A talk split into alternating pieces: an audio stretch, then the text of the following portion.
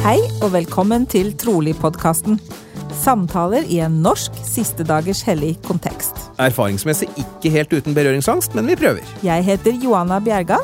Og jeg heter Dan Rikard Hagen. Her i Trolig-podkasten snakker vi med hverandre og med gjestene våre om deres trosreiser og tvilsreiser og andre temaer vi er opptatt av.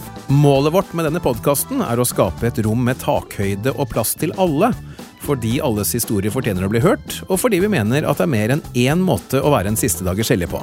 Vi minner om at det som deles her er våre og våre gjesters personlige erfaringer og meninger. Og at podkasten ikke er i regi av Jesu Kristi kirke av Siste dagers hellige. Men for ordens skyld, både Dan Rikard og jeg er aktive troende medlemmer av kirken, og podkasten vil reflektere det. Da kjører vi ny episode.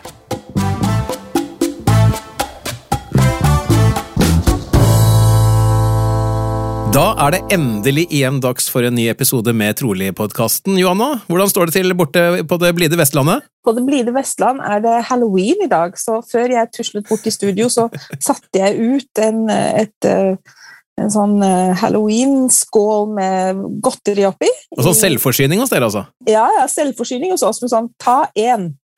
Smilefjes, så får vi se om det er noe igjen når jeg kommer hjem. Ja, Det blir spennende. Episode 21 har det, vi har kommet til ifølge min regning, i hvert fall. Ja. Ikke dårlig bare det. Og i dag så har vi storfint besøk. En som kanskje er mest kjent for de som tilhører Drammenstav, men jeg har nok vært borti navnet her fra Oslo-stav også. Jørn Ivar Berg, velkommen til oss. Tusen hjertelig takk. Hyggelig å være her. Du fungerer nå i det senere som biskop i Bergen, stemmer ikke det? Det er helt riktig. Jeg har vært eh, biskop i Bergen eh, litt over eh, fem år nå. Ja, og vi skal eh, komme nærmere tilbake til det etter hvert også, men eh, for å starte det hele, så starter vi der hvor vi pleier, for å rett og slett bli litt bedre kjent med deg. Fortell litt om din eh, historie, Jørn Ivar.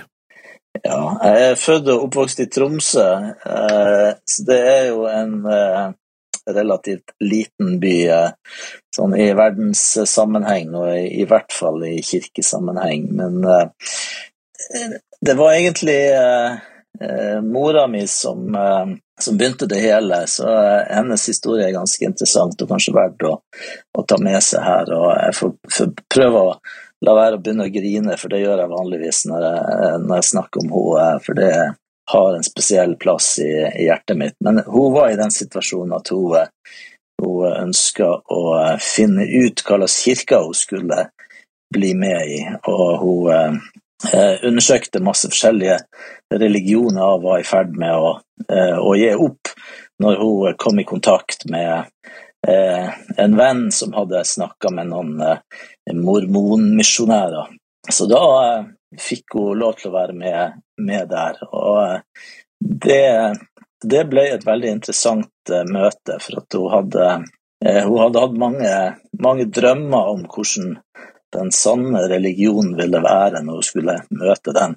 Blant annet hadde hun drømt at de ikke ville drikke kaffe og røyke, og at prestene ville gå i dress og ikke prestekjoler. Så på 60-tallet var jo det her ganske radikale eh, ting, da. Sånn at hun kjente umiddelbart det her igjen når hun, når hun kom i kontakt med dem. Så, så hun ble da medlem av, av Jesu Kristi kirke av Siste dagers hellige. Hun hadde drømt at hun kom til mange hyggelige folk som sa 'velkommen, vi har venta på deg'. Og så hadde hun også drømt om personer som, som hun så som gikk i, i, hvite klær, og det var jo litt, litt underlig. Men det fant hun ut av litt, litt seinere, da. Men alt i alt så, så var hennes historie ganske sterk, og, og gjorde inntrykk på meg som, som, som gutt. Og jeg syns Jeg hadde aldri noe problem med å, å tro på det som, som, hun sa. Det føltes alltid naturlig og riktig for meg. Så etter hvert som jeg vokste opp, så skjønte jeg at det som vi trodde på, var kanskje litt annerledes enn det alle andre gjorde, og det var ikke så, så mange som delte de, de tingene som, som vi trodde på. I Tromsø så var vi jo bare en ja, hvor mange kunne vi vært? Noen mellom ti og på en veldig god dag kunne vi kanskje ha over 20 stykker til stede på, på møtene. Så, så var, man fikk ofte anledning til å bidra på forskjellige måter med taler og vitnesbyrd og andre ting fra, fra ung alder hvis man hadde eh, ønske om det. Og eh, hver gang jeg sa noe, så følte jeg at eh, Den hellige ånd bekrefta for meg at det som eh, vi lærte, og det som jeg sa, at det var sant.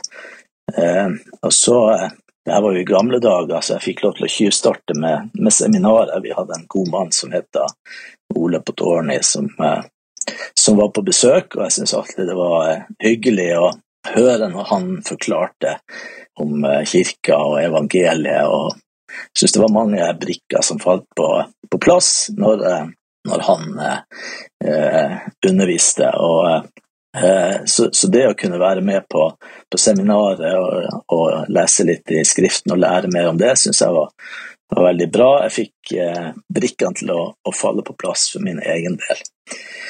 Så eh, når vi ble eh, Foreldrene mine ble skilt eh, når jeg var i, i, ten, i begynnelsen av tenårene, og eh, vi bestemte oss da for å, å, å flytte sørover og begynne litt på, på nytt. Og eh, da falt valget på, på Moss. og en av grunnene til det var at jeg kunne få være med på morgenseminar med han Ole. ikke bare én til to ganger i året, men eh, fire ganger i uka. Og det syns jeg også var veldig, veldig fint for min, eh, min egen del. Så, så, det var godt å være ungdom i Moss. Da fikk jeg også vennskap som jeg ikke hadde hatt eh, så mye av en, på en liten plass eh, som Tromsø. Eh, så, så det syns jeg var veldig hyggelig. Jeg hadde jo trodd at søringene egentlig var litt sånn overlegen og, og, ikke så veldig grei, men det viste seg å være helt feil. Det gjelder i hvert fall ikke Moss. Nei, sant. Så, så når, jeg, når, jeg, begynte på, på, skole der på videregående, så syntes jeg det var, det var, bare hyggelige folk, og jeg hadde veldig, veldig fin ungdomstid i, i Moss, som jeg er veldig, veldig glad for. Så etter, etter det så jeg reiste jeg til England på, på misjon. og... Eh, altså fra Moss? Du ble sendt ut fra Moss? Ja, stemmer det. Mm. Så eh, ja, jeg tenkte jo at eh, jeg syns jo ikke England var så spennende i utgangspunktet. Det var jo, alle dro til England, så det var liksom sånn ja, ok, Jeg hadde kanskje hoppa på litt mer eksotiske ting. Jeg liker å reise og se nye plasser og, og gjøre noe helt annerledes. Men men det ble England, og for min del så var det en fantastisk eh, ting. Så eh, jeg var, var veldig glad for å komme dit og jobbe sammen med mange andre hyggelige og greie misjonærer og knytte vennskap som, som, jeg ikke kunne gjort på noen annen måte. Og møte folk fra alle mulige slags samfunnslag og alle mulige slags kulturer, både Afrika og forskjellige plasser i Europa. og eh, ja, egentlig hele, hele verden. Så, eh, så, jeg ble veldig fascinert av London som by og, og, og plass. Det var i, i, London South, så jeg tjente i, i London og Oxford og, og uh, forskjellige plasser langs sørkysten av uh, England. Så det var, var bra. Eh, så kom jeg hjem og dro i militæret fire dager etter jeg var ferdig eh, på misjon, så det ble litt sånn fra himmel til helvete på fire dager. Eh, det det syns jeg ikke var så veldig greit. Litt kontraster der, kan jeg tenke meg? Ja, ja det var, det var store, store, kontraster. og Det var interessant, for misjonspresidenten min hadde vært oberst i det amerikanske militæret, men jeg oppfatta han som en, en kjærlig og god mann. Mm. Men jeg opplevde vel eh, det stikk motsatte eh, når jeg kom i, i, militæret. Det er sikkert mange bra folk i militæret i Norge også, men jeg, jeg synes eh, at eh, både måten ting fungerte på og måten ting ble leda på, var, var, ikke noe som jeg trivdes så godt med. Men, men den kontrasten ga meg mulighet til å, å tenke litt på organisasjoner og hva er det som motiverer folk, og eh, hva er det som er viktig i livet. Så det ble til syvende og sist en, en, en positiv ting av å, å se på de eh, kontrastene. Eh, så, så det, det, ga meg da også et ønske om å jobbe litt med de tingene her. Så jeg begynte, på, begynte å studere som siviløkonom og tok senere en mastergrad i organisasjon og, og ledelse. Så det har egentlig prega meg litt videre i livet, og på en måte som jeg er veldig takknemlig for uh, nå. Men hvis du tar den sammenligningen da fra, fra holdt på å si, det du lærte og opplevde på misjon, kontra det du lærte og opplevde i militæret, som du sier du reflekterte en del over, hva, hva, hva sitter du igjen med for slags kunnskap eller erfaring som, som du har satt pris på i ettertid? Eh, det var jo det at jeg, eh, jeg følte at når jeg var på misjon, så hadde jeg en leder som virkelig brydde seg om meg. Han, eh, han var interessert i at eh, jeg skulle få ut Eh, det aller beste av meg sjøl. Og, og, bli den beste versjonen av meg sjøl som jeg kunne, og, og ha et tett og nært forhold til min frelser. Mens i militæret opplevde jeg at der var det om å gjøre å trykke folk lavest eller lengst ned i søla og få dem til å virke minst mulig verd, eh, og ikke tro på seg sjøl, men, men, vise hvor uh, elendig man egentlig er. Så, så, der er det mer sånn at man skal bryte ned folk istedenfor å, å bygge dem opp. Og, det er, kan selvfølgelig være nødvendig i, i en militær sammenheng, men for meg så, ja, så skapte det en kontrast som fikk meg til å tenke litt på, på ledelse og hva som var viktigst i, i livet. Spennende. Hvis du, igjen, eh, Jeg er ikke helt ferdig med misjonen din. Ehm, hvis du skulle eh, snakke til en ehm, ung mann eller ung kvinne i dag som lurer på om det er noe poeng å reise på misjon, da, for å si det sånn, hva ville, hva ville du sagt? Ja, altså ehm, jeg tror at hver enkelt må finne ut av det sjøl. For min del så har jeg alltid hatt lyst til å, å reise og, og, vært motivert til å reise. Uh, og for meg så var, så var, det en erfaring som uh, aldri ville vært foruten. For det er et, et laboratorie for evangeliet, om vi kan si det sånn. Du kan prøve i, i praksis. Eh, man, man ser de her tingene med bønn, med faste, med de forskjellige budene som vi lærer om i kirka. Det får man prøvd ut på en helt annen måte på misjonen enn man, eh, man ellers får, eh, får, gjort.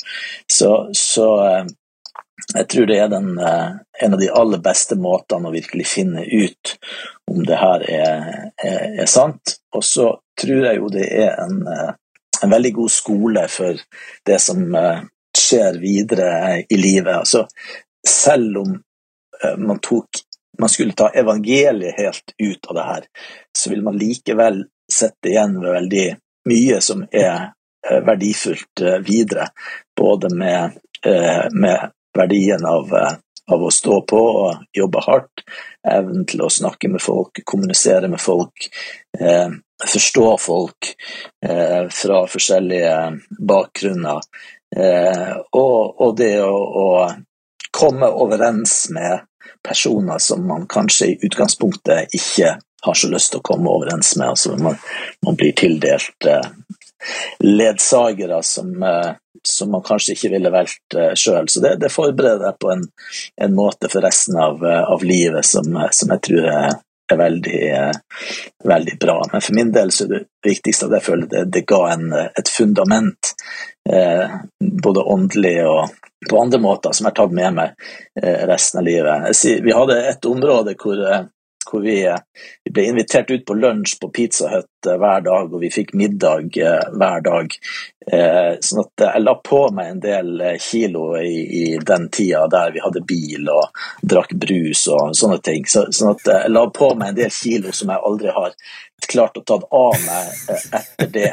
Eh, og på samme måte så føler jeg eh, jeg, jeg, jeg fikk en del andre erfaringer i, i, livet der som jeg på en måte aldri har tatt helt av meg, så, så det har fått litt, litt sånn ekstra flesk å flyte på på mange måter gjennom den erfaringa.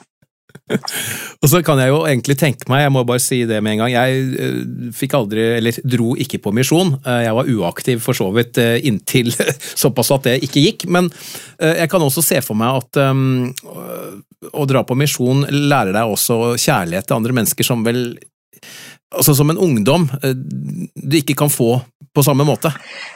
Ja, absolutt. Jeg tror man lærer å se folk på en litt annen måte. Altså det å spesielt jobbe med med folk som har det vanskelig, og som kanskje, kanskje sliter på forskjellige eh, måter med fattigdom og, og, nød og vanskelige livssituasjoner, og, og, komme inn og se hvordan de egentlig har det, og, og føle en, en, stor kjærlighet for de her menneskene, og prøve å se dem sånn som Gud ser dem, og virkelig få dem til å Prøve å få dem til å ta noen grep i livet sitt, sånn at uh, man kanskje kan prøve å snu ting rundt. Uh, noen ganger gjorde de det, og andre ganger gjorde de det ikke. Men uh, uansett så var det en, en positiv erfaring. Mm. Og ikke minst da kunne se hvordan evangeliet faktisk kan løfte mennesker. da. Absolutt. Det så vi, det så vi mye av. Så, du har jo faktisk en sønn på misjon nå? Ja, det stemmer det. Hvor er han hen? Han har akkurat flytta til Roma, så han er i Italia. Han har vært på Malta i ganske lenge, og så har han vært på Sicilia, og nå er han i Roma, så jeg fleiper med han at han skulle Eh, han fikk først prøve å eh, ordne opp med mafiaen, og nå er det paven som er neste, så vi får se hvordan det, hvordan ja, det er godt å ikke legge noe press på han. Ja, nei, vi legger lista høyt. Men er det noen som klarer det, så må det være Jørgen, for han er virkelig en, en fin fyr. Han har heldigvis eh, mange gode trekk fra sin mor, så jeg tror det, det, det er derfor han er en, han er en likende og, og god eh, god kar. Så har vi hatt misjonærene boende i kjelleren hos oss i, i, mange år, så han var faktisk eh, ofte nede der og eh, har vært med på alle mulige slags ting med, med misjonærene fra en ung alder, så jeg tror han hadde har lært å sette pris på, på det og se, se, frem til det eh, i lang, lang tid. Men, men, han har også måttet tatt sine egne valg eh, til syvende og sist. Og det, det er hemmeligheten, altså. Du må bare ha misjonærer boende i huset. ja, jeg vet ikke om det løser alt, men det var i hvert fall en, en fin uh, mulighet for han. Nå har vi jo for så vidt hoppa litt frem i tid, for nå hoppa vi rett fra din misjon til at du plutselig hadde barn, men det må nødvendigvis ha skjedd noe i mellomtiden her. Uh, ta oss med gjennom den reisen nå. Ja da.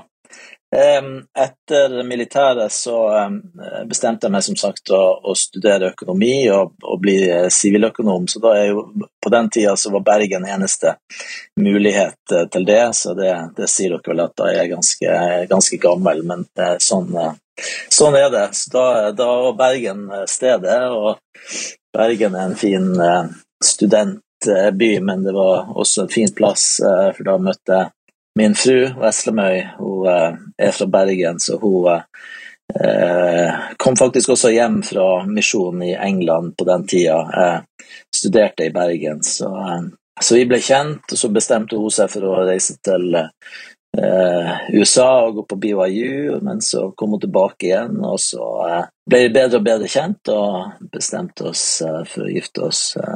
Så etter det så, så, har det blitt eh, stort sett Bergen, selv om vi har eh, bodd et par år i, i USA og tre år i England også eh, i mellomtida. Så, eh, byen er Bergen, og laget er Brann? Eh, byen er Bergen, laget er ikke Brann. Jeg er veldig, jeg er veldig opptatt av fotball, så jeg pleier å si at av av alle uviktige ting i livet, så er, er fotball den aller viktigste. Men uh, der er, eh, er, det mine røtter som uh, slår inn, så er det fortsatt uh, Tromsø som er, er, laget. Selv om jeg også så han Nils Arne Eggen i sving i Moss og var lærer på skolen hvor jeg var på videregående. og og jeg ser Brann her nå, så er det Tromsø og Liverpool som eh, fortsatt er de viktigste lagene for min del.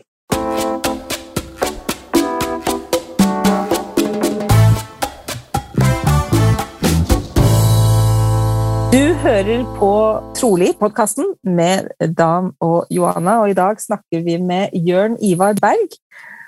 Eh, nordlending, men bosatt i Bergen. Og han er, eh, han er biskop i, i, Bergen menighet, og det, det, er jo eh, ikke bare bare alltid, tenker jeg. Um, det kan være relativt krevende, men, men uh, det gir deg også anledning til å snakke med medlemmene i menigheten en del om tempelet. Og jeg har litt lyst til å snakke litt med deg om tempelet denne gangen. Fordi tempelet er jo liksom en litt sånn big deal i, i kirken.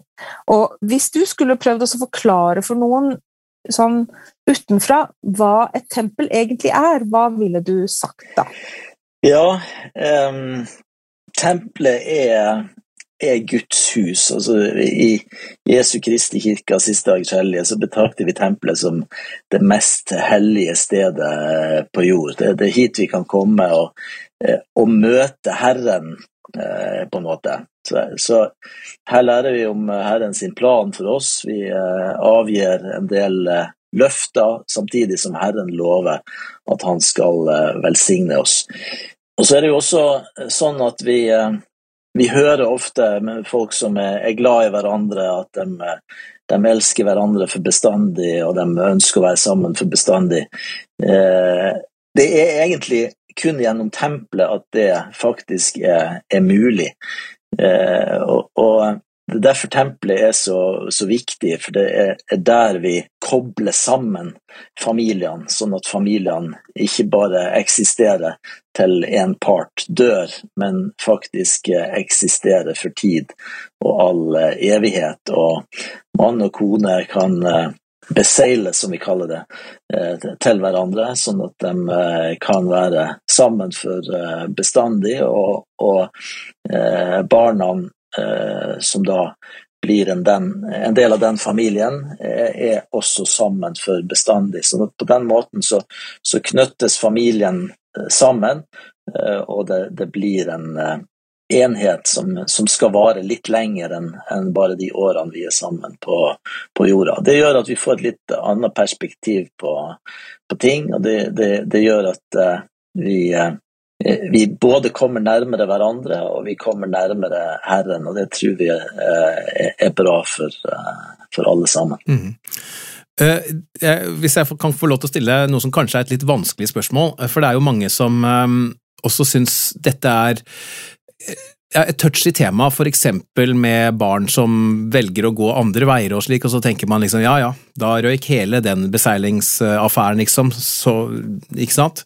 Hva vil du Hva ville dine forhåpentligvis oppmuntrende ord være da, for en forelder som opplever noe slikt? Ja, eh, og det, er noe av det såreste som, som finnes. For vi er så, så glad i våre barn, og vi ønsker det beste Eh, for dem. Og så vet vi at eh, Herrens plan er, at eh, alle får ta sine egne valg og, og får, gjøre sine egne ting. Jeg har lært gjennom mitt liv så langt at ting går ikke alltid helt sånn som man planlegger, og de ting som jeg tenker at ja, nå skal det bli sånn og sånn og sånn, så kanskje, ikke, kanskje blir det ikke på den uh, måten, og, og, kanskje må man gjennom en del omveier for å komme uh, til det, det, endelige målet. Så, så, sånn som det er nå, så tenker jeg at det, det er å bare konsentrere seg om de tingene som man kan gjøre noe med. Eh, barna tar sine egne valg, det leser vi om i, i, i Skriften eh, at eh, de er gjort så langt tilbake som eh, Kain og Abel, og i Mormons bok om Laman og Lemuel osv. Jeg tror likevel at, at Herren han ordner ting på en eller annen måte for oss i, i det evige perspektiv. Og Istedenfor å bekymre seg og og deppe, så, så, tenker jeg at man heller skal Eh, være glad for det, det man har, glad, eh, understreke det positive, og så satse på at uh, ting vil falle på plass på en eller annen uh, måte.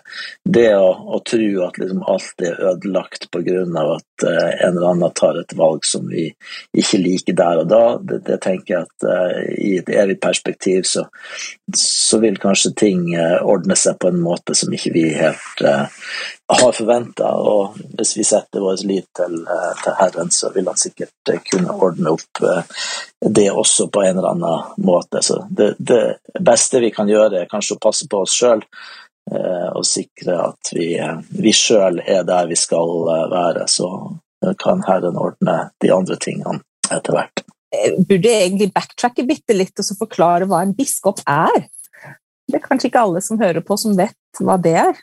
Det er jo Nei, det ikke helt jo... sammenligningsbart. Det høres jo voldsomt sånn det høres litt svulstig ut. ut. Ja. ja det, det hva, gjør, det. hva gjør en biskop? Hva er biskopens primære oppgaver?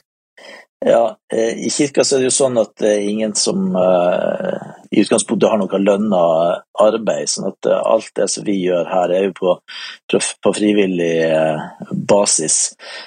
Så en biskop har ansvar for en menighet, og jeg har for tida ansvar for Bergen menighet. Og så er det sånn at det gjør man i en periode, og så gjør man ikke det mer. Og så kan man få andre oppgaver, og så går det litt på, på rundgang. Så akkurat nå er det er det mitt eh, privilegium å ha ansvaret for det som skjer i, i kirka i, eh, i, Bergen. Og da, da er vi ja, var vi i hvert fall før korona rundt eh, 120 eh, eh, stykker som var i kirka på, på søndagene. Og så, eh, så, prøver man å hjelpe hverandre og styrke hverandre, og så er det blant de 120 folk som har forskjellige utfordringer både i Eh, private og eh, økonomiske, og med foreldre og med barn og det ene og det andre. Og da prøver man å, hjelpe der man, eh, der man, kan, og snakke med medlemmene der de trenger litt støtte og,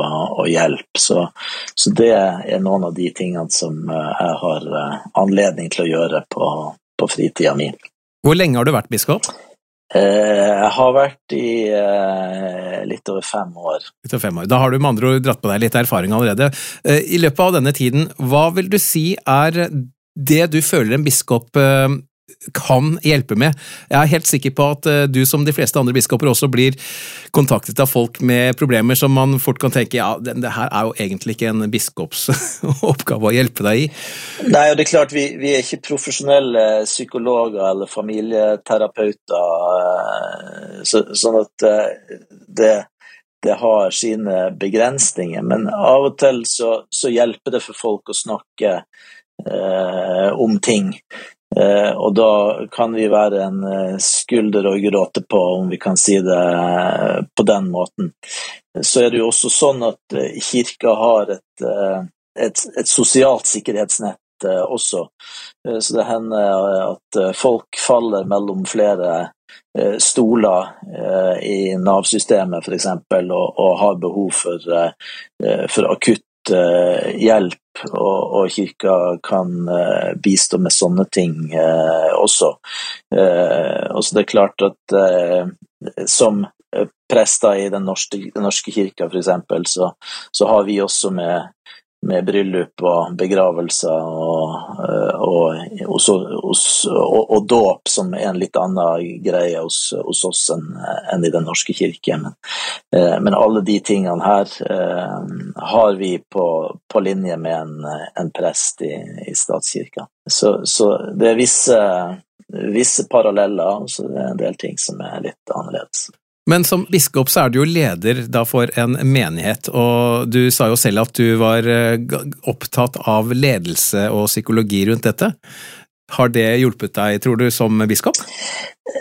Ja, eh, jeg vil tro det. Nå, vil jeg vel også tro at jeg har mye å gå på eh, sjøl også, både når det gjelder tid og, og innsats. For det som, vi, det som, vi, gjør, det kunne vært en, en heltidsjobb eh, som, som, biskop i en menighet.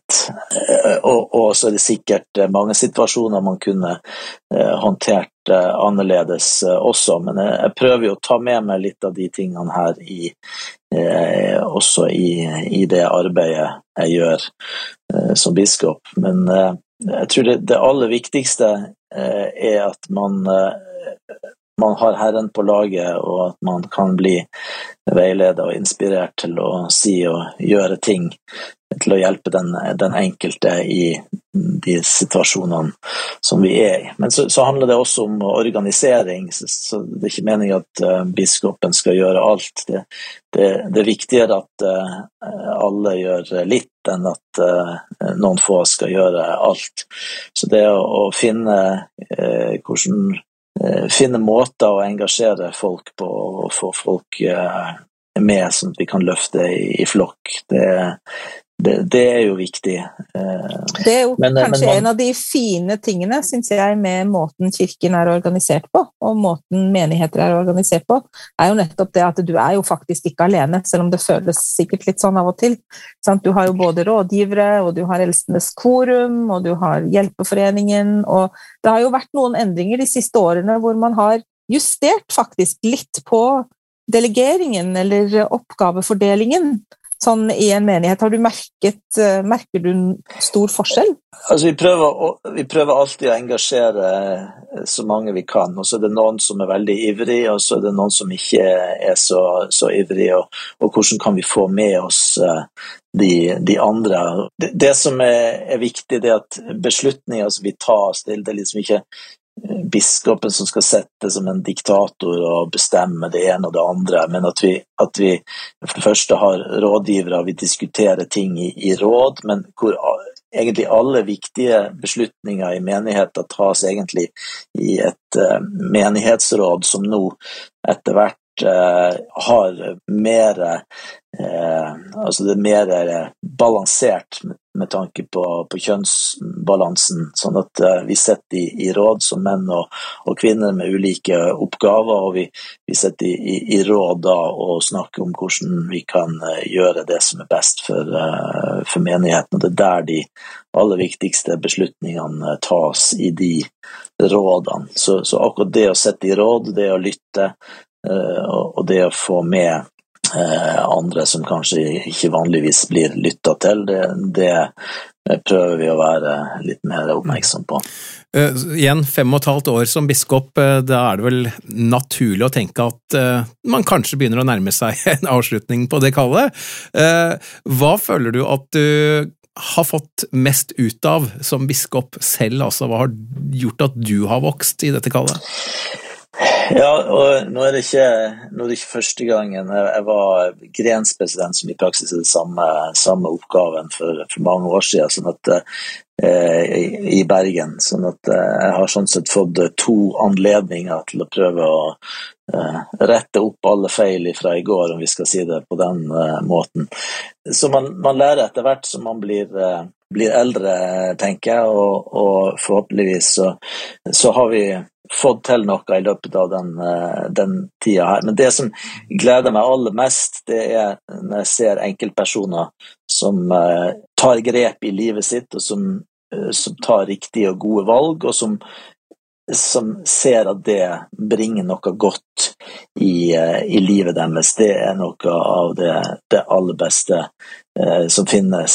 og, og det å, kunne se ungdommer som Eh, som reiser på misjon, ungdommer som velger å, eh, å gifte seg eh, i tempelet, som vi tror også er en, en viktig ting, og, og, folk som rett og slett bestemmer seg for å ta, ta grep i, i, livet sitt og, og sette Herren først, og, og så da se at det, det, går bra, det er vel noe av det mest positive som man, man ser. Så det, det handler om enkeltmennesker Eh, og, og, det at enkeltmennesker når sitt potensial og, og har fremgang, det, det, er det som gjør størst glede til syvende og sist.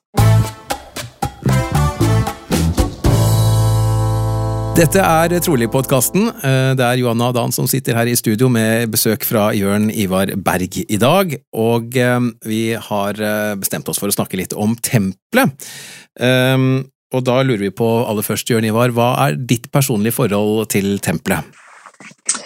Jeg var vel første gang i, i tempelet i Stockholm når det ble innvia på tidlig på 80-tallet. Så jeg husker at det var, det var et spesielt sted å, å, være. Men det som kanskje har gjort mest inntrykk på meg Eh, etterpå. Det, det, er jo de tingene som jeg har fått være med på eh, da. Jeg husker eh, min mor, for å gå tilbake til, til henne, så var hun veldig ivrig og, og, og var veldig mye i, i tempelet i sine siste leveår. Og og for hun så, så, ble det veldig tydelig at det som, det som hun gjorde, det gjorde hun av kjærlighet til dem eh, som har gått foran henne, hennes eh, familie, eh, hennes eh, forfedre. Eh, og jeg kunne se det så tydelig på henne. Hun fikk eh, kreft og visste at hun ikke hadde så mye så lang tid igjen, men det som hun ønska da, det var å kunne være mest mulig i, i tempelet. For hun visste det at det som hun ville gjøre der, ville det stå mennesker på andre sida og, og, takke henne og ta imot henne når hun ville komme over dit. Og, og det er helt uh, overbevist om at, uh, at det uh, skjedde. For min egen del så, så var det selvfølgelig det absolutte høydepunktet å, å dra til tempelet sjøl og kunne bli via der for tid og all eh, evighet med, med min eh, kjære Veslemøy, og, og, se hverandre i øynene og ta hverandre i hendene og, og se inn i evigheten, om du vil. Og det, det har vært eh, fint for oss å, å, kunne ha det perspektivet i vårt ekteskap. Eh, så, eh, så, jeg er veldig takknemlig for det det har betydd. Og, og nå i, i, den senere tid også se vår datter eh, dra til tempelet sammen med hennes eh, mann, eh, og den, eh, den gleden eh, dem også hadde av å, å, være i tempelet og inngå den, den samme pakten som vi, som vi har, har gjort som, som foreldre. Så, så det her gjør, gjør at at eh, familien bindes eh, sammen. Eh, og vi hadde sjøl et, et, lite mirakel. Du nevnte Jørgen som var, var på misjon. Templene var jo stengt når han reiste på misjon, så vanligvis så vil en misjonær reise til tempelet før de drar på misjon, men det hadde ikke han anledning til. Og så var liksom spørsmålet når ville han da få muligheten til å reise til tempelet? på en eller annen mirakuløs måte så åpna det seg et uh, lite vindu tidligere i år hvor det var mulig for han å reise til tempelet i, i, Roma. Og det også var mulig for oss eh, som mor og far å reise til Italia uten karantene, verken den ene eller den andre veien, men med koronatesting i Eh, haugevis, eh, eh, så, så, kom vi oss til tempelet sammen med, med han, og det, det å kunne oppleve det sammen med sine barn, det, det, er på en måte som en slags sånn lønningsdag for foreldre å kunne ha de øyeblikkene sammen i, i tempelet. Det er helt, eh, helt fantastisk. Ser den. Vi, hatt, eh, vi hadde også en, en, litt lignende opplevelse med Simen, som sønnen vår, som var vekke fra kirken i noen år, og som, um, som begynte på sin reise tilbake etter en tekstmelding. Eller han var nok allerede litt i tankeboksen, men vi var i tempelet, Johannes og jeg, og vi sendte en tekstmelding til barna våre og sa vi har det kjempefint, men vi savner dere. Og så fikk vi en melding tilbake fra Simen som sa jeg skulle ønske dere forsto hvor mye jeg gjerne skulle vært der med dere. Og um, jeg tror det var halvannet år senere så var vi i tempelet med Simen. Og han, han, kom inn i det celestiale rommet etter å ha mottatt sin begavelse. Så sa han sånn er det i det celestiale riket. Sånn er det helt sikkert i det celestiale riket, hvor det sto haugevis av, av uh, venner og kjære fra Stavanger menighet som sto der og ønsket ham velkommen. Um, tempelet det er, um, det er fint, og som du sier, lønningsdag for foreldre. Og, men det er jo ikke alltid sånn som du sa, det er jo ikke alltid at ting som går sånn som planlagt. og det er, um, Nå har vi jo fått annonsert et tempel i Norge. Og um, selvfølgelig så er vi jo stort sett alle kjempeglade og happy for det, men det har vært noen få stemmer som har vært litt sånn øh, Vil vi egentlig ha et tempel i Norge? Hva tenker du? Har du opplevd noen motforestillinger? Skjønner du, skjønner du dem? Ser du, ser du betenkeligheten? Um, jeg har ikke hørt så mye av det um, personlig, men um, hvis jeg skal reflektere litt uh, over det, så jeg var for noen år siden i, uh, i Navu som er et viktig, et viktig sted sånn kirkehistorisk. Og Det som slo meg da, det var at de hadde bygd et stort, flott tempel oppe på den beste tomta i, i byen, og så hadde de små små boliger, enkle hus for seg sjøl, på litt dårligere tomter litt, eh, litt lenger ned. Eh, og, og det, å, det, å, kunne sette Herren først og, og ofre for å, å, gjøre sånn som han vil først, og så sette sine egne ting eh, i, i, andre rekke, eh, det, det, er ikke alltid så, eh, så, enkelt. Så jeg tror at, at det nok sikkert vil kreve litt av, av oss for å å få et eh, tempel, og at vi, vi, sånn sett må sette eh, Herren først, og kanskje være forberedt på å ofre litt, både av, av tid og, og uh, at uh, det sikkert kommer til å være mange som vil stille spørsmål, og kanskje synes til og med at det er litt rart, det vi holder på med, og, og uh, vi, vi, får ja, Kirka kommer i, i, et søkelys som, som kanskje for enkelte vil være ubehagelig. Eh, og så eh, kan det hende at eh, noen har gode minner med å reise til Stockholm, eh, og, og, eh, at man hadde veldig kjekt der eh, som, som, familie og, og, venner. At man ser for seg at det vil vi kanskje ikke ha hvis vi, vi skal til Oslo-området en plass. Så som sagt så har ikke jeg hørt så, så mye personlig hadde jeg fått noen kommentarer om at eh, hvis man først skal reise, så kan vi gjerne reise til, til uh, Stockholm som til Oslo. Men for meg så, så, er det i hvert fall tegn på at, at Herrens hus kommer litt nærmere, og vi har anledning til å komme vi har litt kortere vei Eh, for å dra dit, og, og det tror jeg vil, eh, vil, være positivt eh, at det blir mulig for oss. Så jeg har, har en litt sånn personlig historie rundt, rundt det her. For jeg husker når jeg var 16 år, så, så, var han Russell M. Nelson, som er profeten vår, han var på besøk i Oslo. Og det var en del ungdommer som fikk lov til å komme og stille han noen spørsmål. Og eh, han holdt et tale, han tok opp én og én ungdom, så vi sto ved siden av han og, og, stilte han et spørsmål. Og mitt spørsmål til han eh, da var når får vi et tempel i Norge?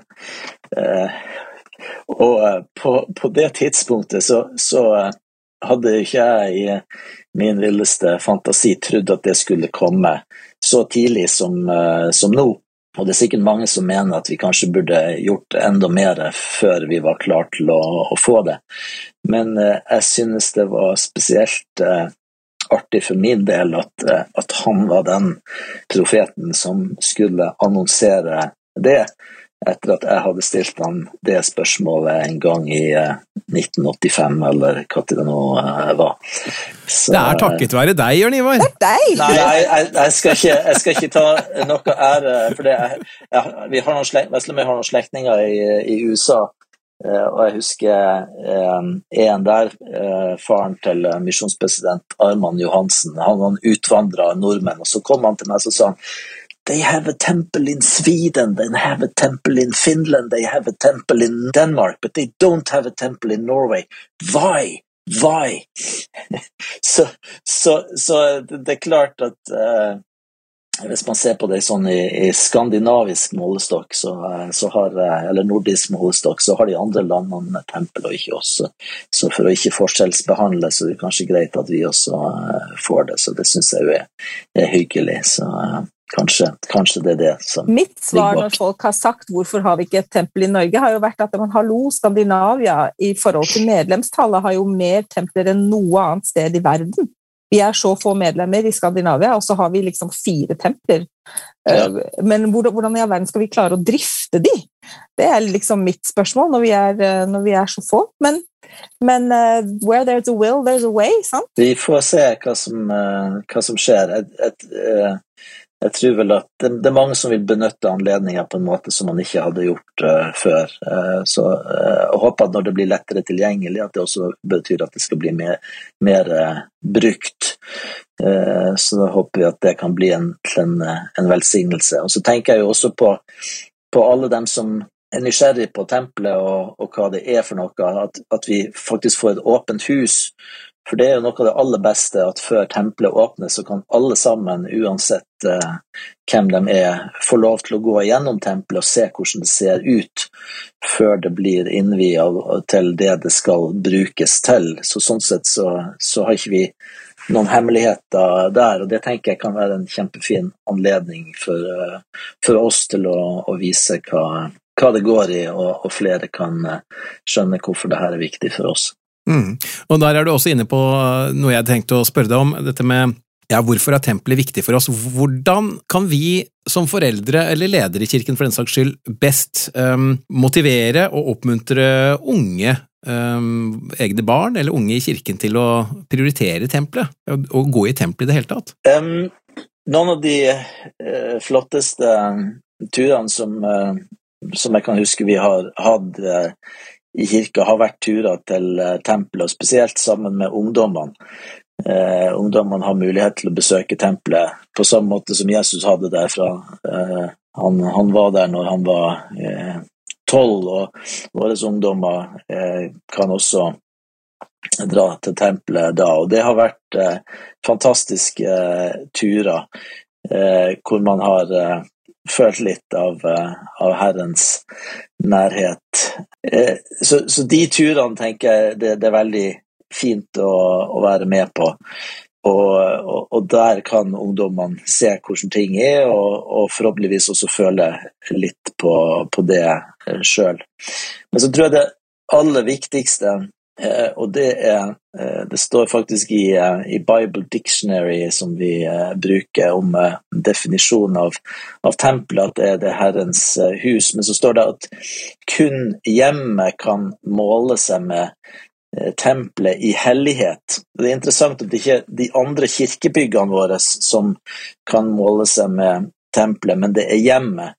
Så jeg tenker at det, det aller viktigste er ikke de eh, få timene eller dagene vi er i et tempel, men det er alle de timene vi er hjemme, og hvordan vi oppfører oss hjemme, hva vi gjør hjemme, hvordan vi snakker hjemme, og om hjemmet virkelig eh, hos oss virkelig er et sånn sted hvor, eh, hvor, vi kan føle at vi er ved nært eh, Herren. Og, og det er vel kanskje den aller beste måten å motivere jeg er ikke alltid så glad i det her motiv ordet 'motivere', for at eh, det betyr eh, Vi legger i det at vi skal si et eller annet som gjør at folk uh, plutselig får lyst til å gjøre noe. Men jeg tror at, at den indre motivasjonen som folk får uten at man skal pushe dem på noen måte, det er den aller beste. Og det får man med å, å ha gode aktiviteter og gode forhold i, i hjemmet. Og det er vel det vanskeligste av eh, alt, for, for, for der kommer alle frustrasjoner og alle, alt kommer eh, på bordet, og da er det ikke like enkelt at det skal være eh, så fint og så flott. Men, men det er jo nettopp derfor det er så viktig. Det slo meg når du snakket om moren din, at, at hun gjorde det av kjærlighet. Jeg lurer på om ikke en av nøklene ligger i det. Dette her med å på en eller annen måte vise vår kjærlighet til våre forfedre og kjenne dem. Og unge mennesker er jo ofte faktisk interessert i, i slektsforskning hvis de får anledningen, og flinke med IT og data og family search og alt dette her. Hvis de får sjansen, og hvis eh, vi, eh, hvis vi kan klare å vise dem liksom Og dette her med Eh, jeg tror spesielt for ungdom så er det så viktig å komme ut av sin egen lille Man er jo per definisjon ganske selvopptatt da, når man er tenåring. At det kan være eh, utrolig sunt og fint å komme litt ut av den boblen og, og få lov til å gjøre noe for noen andre. Og oppleve den, eh, den mestringsfølelsen og den, den gleden det er å gjøre noe for andre. Ikke bare her, men også på den andre siden. Ja, absolutt, og, og, spesielt hvis det kan kobles til konkrete historier om eh, besteforeldre eller oldeforeldre man hadde, og man kan lære litt om livet deres og skjønne at vi, vi står på skuldrene til folk som har eh, slitt og jobba og hatt forskjellige utfordringer på kanskje helt andre nivåer enn det vi har.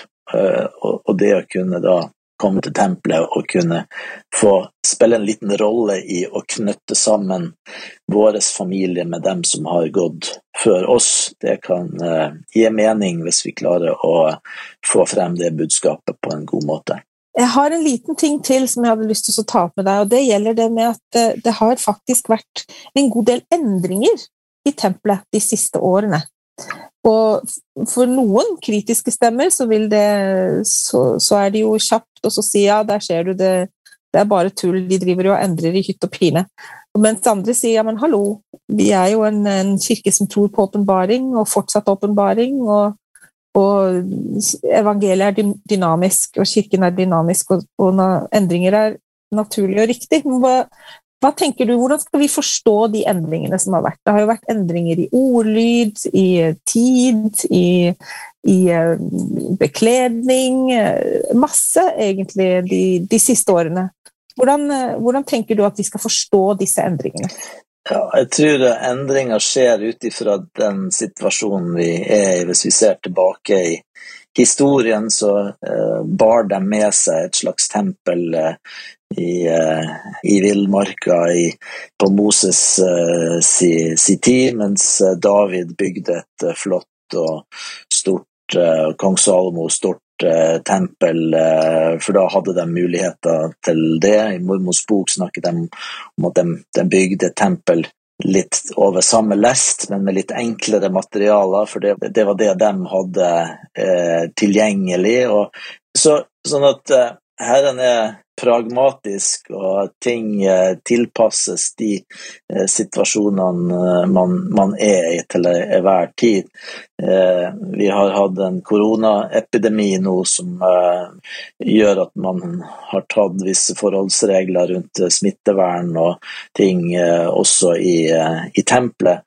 Og på samme måte så justeres ting etter hvert av ulike årsaker. og og så tenker jeg at uh, det er en naturlig del av, uh, av utviklinga, og, uh, at, at, gjenopprettelsen fortsetter, om du vil. Men nå er kanskje jeg en av dem som ikke jeg godtar kanskje ting eh, litt, litt, for lett og synes at det er helt greit. Jeg er ikke den som har behov for å grave dypest og, og forstå alle detaljene. Jeg tenker at, eh, at hvis jeg har hjertet på, på rett plassen og prøver å, å, gjøre det jeg skal, så vil jeg sikkert skjønne ting eh, etter hvert. Og det er ikke alt jeg skjønner. og Noen ting får jeg vite hvis jeg spør, og noen ting får jeg vite litt, litt seinere. Og så en del av de tingene rundt tempelet også i den, i den uh, kategorien. Så uh, spør, så får man uh, svar, og jeg tenker at man personlig må finne, finne svar på en del av de her tingene. Til syvende og sist så handler det om ditt eget forhold til, til Herren, og som, hvor, hvor, det er. Og hvis, hvis det er riktig, så vil mange av de hva skal vi si, mindre tingene uh, falle på plass. Uh, så, så, det er mine, mine, tanker om det. Du hører på Toli-podkasten med Johanna og Dan, og uh, vi snakker med Jørn Ivar. Og nå nærmer vi oss de faste postene våre, og da lurer vi på, Jørn Ivar, du, hvordan definerer du tro? Hva er tro for deg? Ja, jeg, jeg er jo en litt jeg liker å tro at jeg er en litt sånn praktisk eh, person. Er ikke noe sånn eh, at jeg jobber med hendene og sånn, men jeg prøver å dra det ned på hva betyr det her i, i praksis. Og, og um, for meg så er tro å, å, prøve ut ting som uh, Herren har, uh, har bedt oss om å gjøre, for å se om det her fungerer i, i praksis. Og, og, for min del så, så har det alltid vært sånn at eh, evangeliet har gjort meg til noe som er bedre enn det jeg ellers ville vært.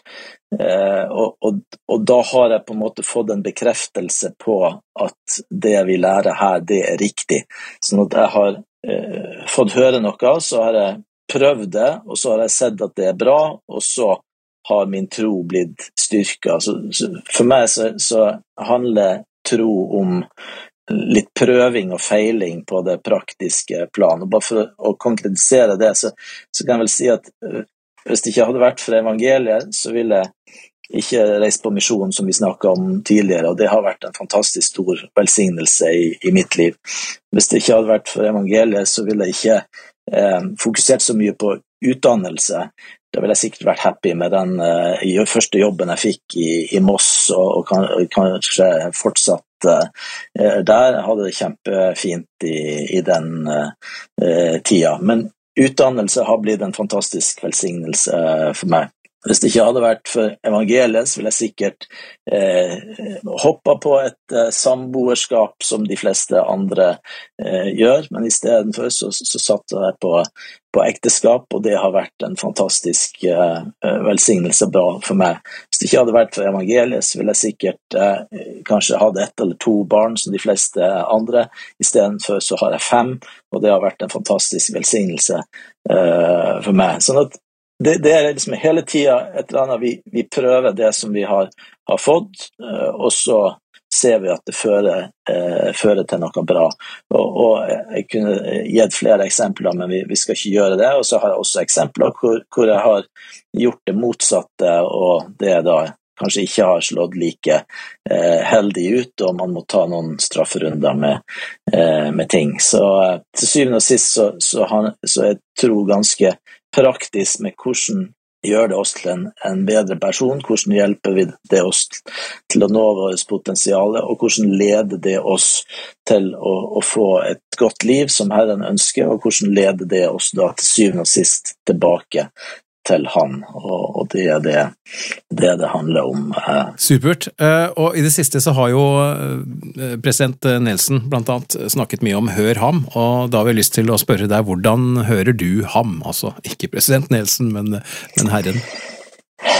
Ja, eh, generalkonferansen, det som kommer fra kirkens ledere, syns jeg er veldig styrkende og oppbyggende. Så, så, der er det veldig mye konkret å, ta med seg. Ellers så er det jo det å kunne få de, eh, de små daglige dryppene med, eh, med, noen gode ord fra Skriften og, og noen øyeblikk til refleksjon og, og bønn. Men for meg så er noe av det beste jeg vet, er å kunne komme meg ut i naturen. Da føler jeg at jeg er nærmere Herren enn kanskje mange andre plasser. Eh, og vi ser at eh, Jesus også han gikk opp på, på fjell når han hadde behov for å, å få litt ekstra energi. Det er ikke tilfeldig at han gikk på vannet etter at han hadde vært på en liten eh, fjelltur eh, og talt med Herren. Så, så, det å kunne komme seg ut og kunne få styrke eh, og kunne være eh, litt eh, alene og motta inspirasjon og styrke ute i naturen, det syns jeg også er en eh, flott ting. Ja, det er derfor du drar sånn eh, ut på tur hele veien, altså. Ja. det er Dan, en av grunnene, ja. Jeg sa det til Dan før vi begynte, han har en snill kone som lar han reise rundt mye. Du er jo litt sånn globetrotter, og så tar du fantastiske bilder. Vi skal dele Instagram-kontoen din i nyhetsbrevet, så folk kan følge med på de fantastiske naturbildene dine, for de er helt noe for seg selv. Um, så er det Hvis hvis det var noe i evangeliet eller i kirken som du kunne endret på, hva ville det vært? Ja, jeg, jeg vet ikke om jeg har så mye eh, som jeg skulle endre på. Eh, av og til så så skulle man ønske at man kunne endre på mennesker, sånn at de eh, bare var lettere å ha med å gjøre. Eh, men eh, det er jo ikke alltid så lett å, å Si fra hvis du finner den formelen. så, så, så, når det gjelder kirka som, som organisasjon og som så, så, så har ikke jeg noe som jeg ser at Eh, det her eh, skulle vært eh, annerledes, det her må vi snu opp ned på. Jeg tror profeten endrer jo på ting i ei eh, heseblesende fart. Og, og, til å være 97 så er det jo utrolig hvor mye energi eh, han har. Og jeg tror vel endringstakten har gått opp vesentlig nå i forhold til det det har vært uh, før. sånn at uh, jeg vet ikke om, uh, om det i det hele tatt er mulig å endre på ting i et raskere tempo enn det som skjer nå. Jeg stoler på at, at det er til beste både for oss og, og kirka, måten det blir gjort på. Helt til slutt, Jørn Ivar, hva syns du er det beste ved å tilhøre Jesu Kristi kirkas siste dagers hellige? Ja, Det er det som jeg var inne på i, i sted, med med, med tro. Altså, det gjør oss til bedre mennesker, og jeg har et eh, bedre liv på grunn av de tingene som jeg har fått lært i, i kirka, og, og, det føler jeg meg veldig ydmyk og, og takknemlig for å, å, ha kjennskap til, til, det. Jeg kunne helt sikkert hatt et uh, godt liv på mange måter uh, om jeg ikke hadde vært en del av den kirka, men som, som, jeg nevnte i de eksemplene her, så har jeg fått så, eh, så mye mer og et perspektiv på, eh, på, ting. Så hvis jeg skal avslutte med det, så, så, kan jeg vel si det at av og til så har jeg følt at livet har gått meg imot, og jeg har ønska det være seg eh, i, i, ungdommen, ting på kjærlighetsfronten eller i yrkeslivet, andre typer jobbmuligheter. Men jeg ser at Eh, ting har ordna seg på en måte som ikke jeg sjøl ville klart. For hadde jeg fått viljen min, så hadde det egentlig ikke gått så bra.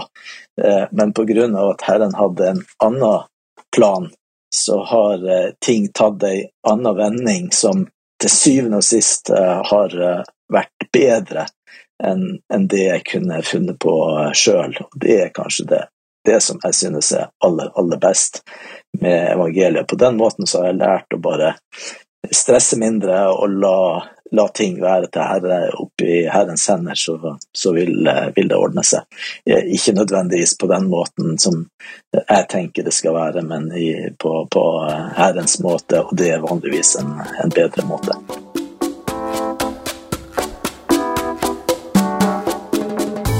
Tusen takk for at du hørte på dagens episode. Vi er snart tilbake med en ny og spennende samtale. Og for å gjøre ventetiden litt kortere, så kommer som vanlig vårt nyhetsbrev mer enn trolig i innboksen din om kort tid. Ja, Det er hvis du abonnerer på det, da. Og det gjør du enkelt inne på vår Facebook-side. Ja, og i tillegg så finner du oss både på Instagram og Twitter som oppdateres med jevne og ujevne mellomrom. Har du forslag til enten temaer eller gjester du syns vi burde snakke med? Send oss en e-post til troligpodkast med k at gmail.com. Og vi blir veldig glad for skriftlige tilbakemeldinger i alle våre kanaler. Og ikke glem at dette vil også hjelpe andre å finne trolig. Takk for nå. Vi høres!